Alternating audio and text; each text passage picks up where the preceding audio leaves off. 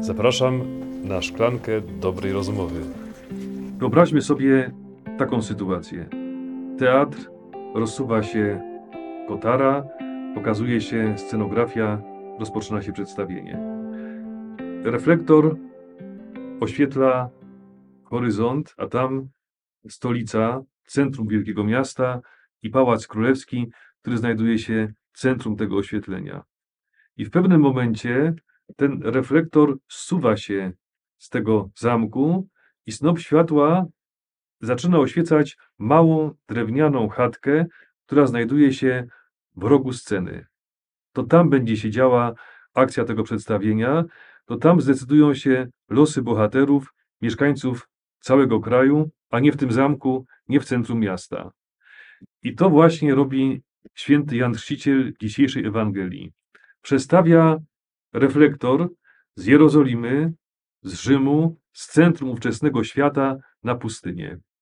Robi to nie za pomocą reflektora, yy, jakiegoś halogenu, ale za pomocą tego, jak wygląda. Nosi odzienie z sierści wielbłądziej, taki, takie, jakie nosili prorocy, bardzo skromne, przepasany jest pasem skórzanym, żywi się szarańczą, miodem i mieszka na pustyni. Natychmiast, na, zaraz na początku Ewangelii Świętego Marka, w drugą niedzielę Adwentu, y, jesteśmy, y, możemy się otrząsnąć z tego zapatrzenia w centrum.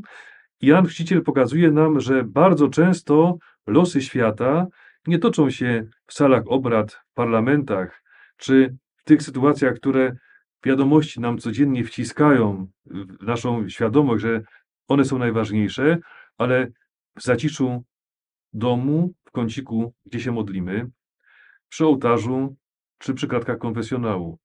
Tam decydują się losy świata. I moi kochani, idąc tym tropem, korzystając z tego reflektora świętego Jana Chrzciciela, chciałem dzisiaj przytoczyć takie dwie sytuacje niesamowite. One mają pewien wspólny mianownik, ale obie są bardzo ciekawe. Pierwsza z nich są lata 30. XX wieku, miejscowość Nowy Wiśnicz. Duszpasterzem jest tam młody, inteligentny, bardzo dobrze zapowiadający się ksiądz Władysław Faron. Wyświęcił go na kapłana biskup Tarnowski, ksiądz biskup Wałęga, a teraz ksiądz Faron wpada w konflikt ze swoim biskupem. Wiadomo, że z konfliktu można zawsze wyjść, po prostu się pogodzić, y, czy poszukać jakiejś y, zgody, wspólnego mianownika, ale ksiądz Faron wybiera inną drogę.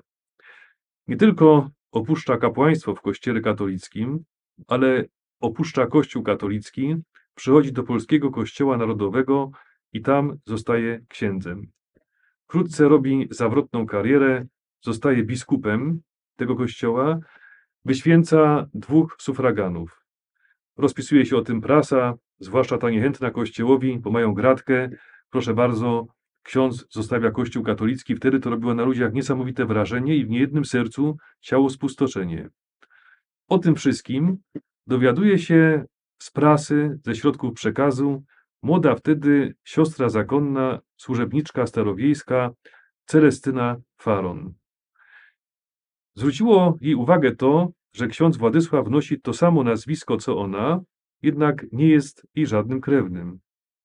Siostra Celestyna Faron zaczęła współczuć temu księdzu i mówi właśnie na modlitwie swojej osobistej: Panie Jezu, jestem w stanie ofiarować Ci życie. Proszę tylko, żeby ten ksiądz się nawrócił, żeby wrócił do Kościoła katolickiego.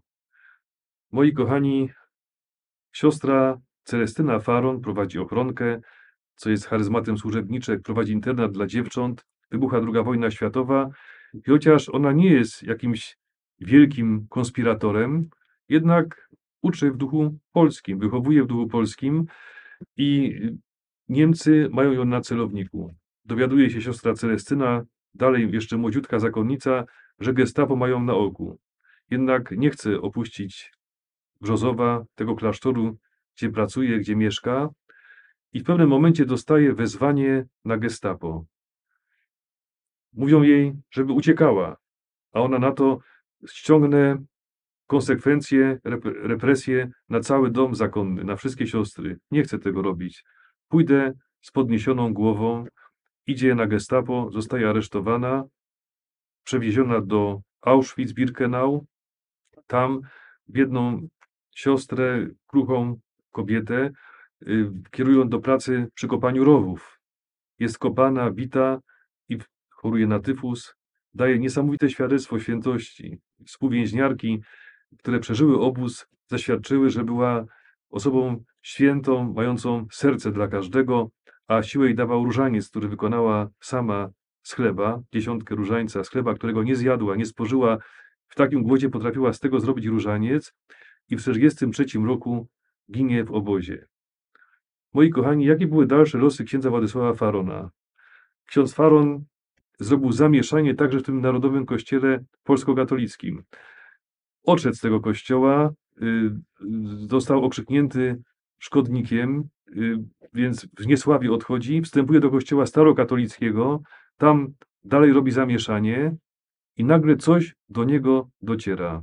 Zaczyna robić rachunki sumienia, podsumowuje swoje życie.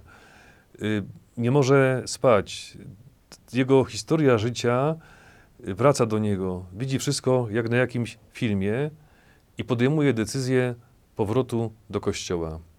Wybiera diecezję, która wtedy była w największej potrzebie na zachodzie Polski, diecezję gorzowską. Tam była administratura apostolska. I co się okazuje? Najpierw jest z powrotem wikarym, mimo że rzeczywiście został ważnie wyświęcony na biskupa, tylko niegodnie, niegodziwie, swoje insygnia biskupie zawozi do Częstochowy i tam u stóp Matki Bożej Częstochowskiej składa je w ofierze. Rezygnuje ze wszystkiego, jest wikariuszem, potem proboszczem, odbudowuje kościoły, odnawia życie parafialne, staje się gorliwym, właściwie no, wzorowym kapłanem, a nawet pod koniec życia doczekuje się godności kanonika. Umiera w 1965 roku, pojednany z Bogiem i Kościołem. Do końca życia nigdy się nie dowiaduje, kto stoi za jego nawróceniem. Patrzcie, moi kochani, siła cichej modlitwy i ofiary. To jest niesamowite. Dzisiaj Ewangelia w drugą niedzielę Adwentu mówi nam o tym, że pustynia naszego życia, tam gdzie nikt nas nie widzi, to nasze bycie sam na sam z Panem Bogiem, nasza modlitwa, medytacja, oddanie się Bogu może odwrócić losy świata. Pamiętam z lekcji religii, y, gdzieś w pierwszych klasach szkoły podstawowej, ksiądz kateta mówi nam, nieraz ludzie podchodzą z takim dystansem do starszych pań, do tych babci naszych, które w domu, w chorobie modlą się różaniec, myślą, że gdzieś są pozostawione na marginesie życia, a może się okazać, że właśnie dzięki temu różańcowi starszej babci świat jeszcze istnieje, że ten różaniec na przykład powstrzymuje trzecią wojnę światową. To się dopiero okaże przy końcu czasów. Moi drodzy, druga historia. Mam tutaj książkę. O ile no, czasami przekonuję do lektury książek, a o tyle do tej książki, do lektury tej książki bardzo gorąco zachęcam. To jest książka niesamowita, no, połyka się ją, trudno się od niej oderwać. Franciszkanin z SS. Autentyczna historia. Yy, dotyczy ojca Gereona Goldmana, który potem przybiera imię zakonne Karol. Wybucha II wojna światowa, on jest klerykiem franciszkańskim i zostaje wcielony do wojska, tak jak wszyscy klerycy w Niemczech, ale przez pomyłkę trafia do SS. Chce się stamtąd wydostać, apeluje, żeby zmienić tą decyzję, jednak władze nie chcą, nie pomagają odwołania i proszę sobie wyobrazić, że Geron Goldman do końca II wojny światowej służy w SS. Nigdy nie przy, przyłożył palca ręki do, cier, do cierpień czy śmierci jakiegokolwiek człowieka. Ale pasjonująca historia jego życia y, przechodzi przez fronty II wojny światowej. W pewnym momencie, kiedy umierają jego współbracia, żołnierze na froncie, chce im dać komunię świętą. Y, księża miejscowi nie chcą się na to zgodzić, więc idzie do biskupa, ten również nie chce. Żołnierze używają broni i biskup wtedy mocą Stolicy Apostolskiej uprawnia tego kleryka franciszkańskiego i on niesie komunię świętą prawie że pod wodą, żeby nie zostać zauważonym, a puszkę z Najświętszym Sakramentem trzyma nad powierzchnią wody. W końcu trafia do Watykanu, jeszcze w czasie wojny spotyka się z papieżem Piusem XII. Mówi o swoim życiu, jak bardzo pragnie zostać kapłanem i wtedy otrzymuje dokument papieża Piusa XII, że kiedy będą dogodne warunki, biskup, którego spotka na swojej drodze, ma mu udzielić święceń kapłańskich, a po wojnie ma dopełnić wszystkich obowiązków, skończyć porządne studia i uzupełnić swoje wykształcenie. Moi kochani, przeżywa wojnę. Umiera dopiero w 2003 roku, więc jeszcze żył niedawno w naszych czasach. I w pewnym momencie, już po wojnie, otrzymuje y, zaproszenie do miejscowości Zisen. Jakaś siostra zakonna, Weronika, bardzo prosi o spotkanie, zależy jej na tym, by do niej przybył. Przybywa do klasztoru, nigdy o nim nie słyszał. Pr- Wprowadzają go do infirmerii, czyli takiego oddziału w klasztorze, gdzie leżą chore siostry i widzi siostrę w poważnie starszym, zaawansowanym wieku, wciśniętą w poduszki, w pościel, a na jej rękach, na pościeli pełno ptaków. Kiedy wchodzi do jej pokoju, ona ruchem ręki odgarnia te ptaki, siadają na parapecie, część wylatuje, siada na drzewie, ale kiedy siostra przestała się ruszać, znowu wszystkie ptaki do niej przyfruwają. Y, Widać tam ziarna, ona karmi te ptaki. I siostra opowiada mu swoją historię i mówi: Proszę ojca, jak ja się cieszę, że ojca widzę. Dawno temu y, przychodzi, przy, przybył do nas jeden z Franciszkanów i mówi, że w pewnej rodzinie jest chłopak, który chce zostać Franciszkaninem. Jego ojciec przeprowadza się z Fuldy do kolonii i grozi mu to, że w wielkim mieście zatraci kontakt z Bogiem. I proszę, proszę siostry o modlitwę w intencji tego chłopca.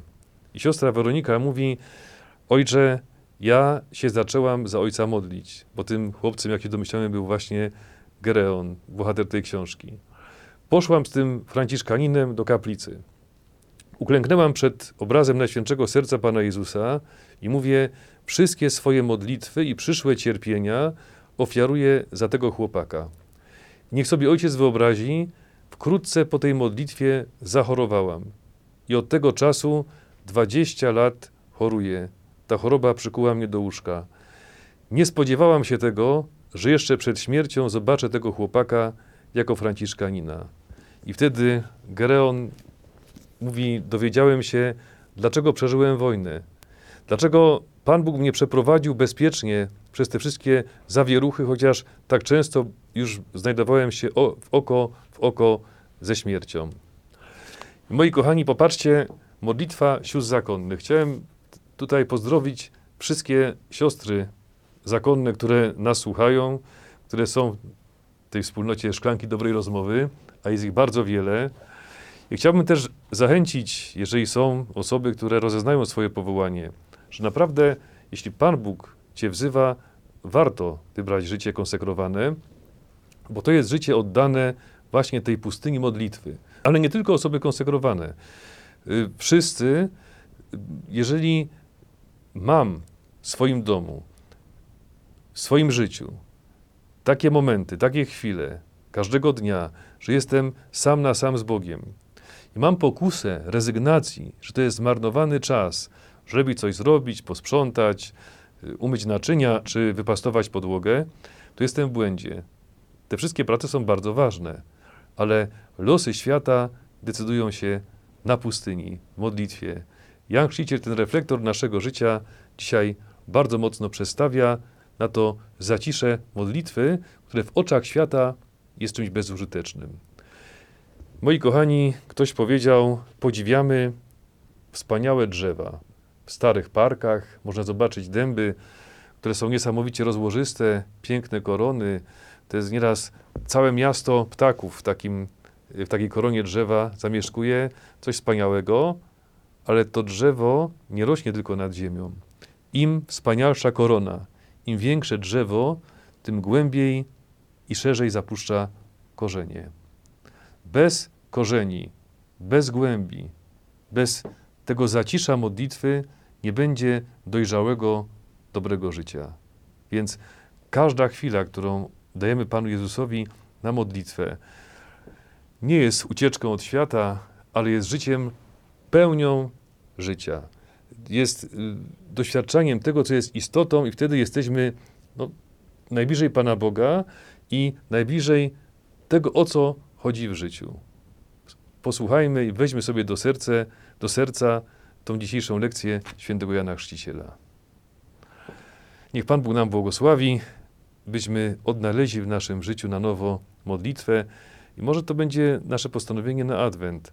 Na nowo odkryć i wprowadzić w swoim życiu taką dobrą modlitwę z Biblią w ręku, codziennie przed Panem Jezusem mieć dla Niego czas. Pan z Wami. Niech Was błogosławi Bóg Wszechmogący, Ojciec i Syn i Duch Święty. Moi kochani, bardzo się cieszę, że już tylu domach jest nasz zegar. W kontekście tego, co mówiłem o modlitwie, ja myślę, że takie przypominajki są niesamowicie ważne, bo czas biegnie szybko. Myślę, że taki zegar w domu z tym pięknym mottem, że opatrzność Boża zawsze zdąża na czas, kiedy na niego popatrzymy, będzie nam przypominał o modlitwie, że dzięki temu zegarowi wśród tych godzin na tarczy zegara zawsze znajdziemy przynajmniej jedną, którą wypełnimy spotkaniem z Bogiem, a to zaprocentuje niesamowicie w naszym życiu. Jeśli ktoś by chciał zrobić sobie taki prezent w postaci zegara albo szklanki dobrej rozmowy dla siebie albo dla bliskich, to tu jest podane, jak to można mm, przeprowadzić. I pamiętajmy, opatrzność Boża zawsze na czas. I do powiedzenia do Fratelli Tutti. Papież mówi o relacjach, warto posłuchać.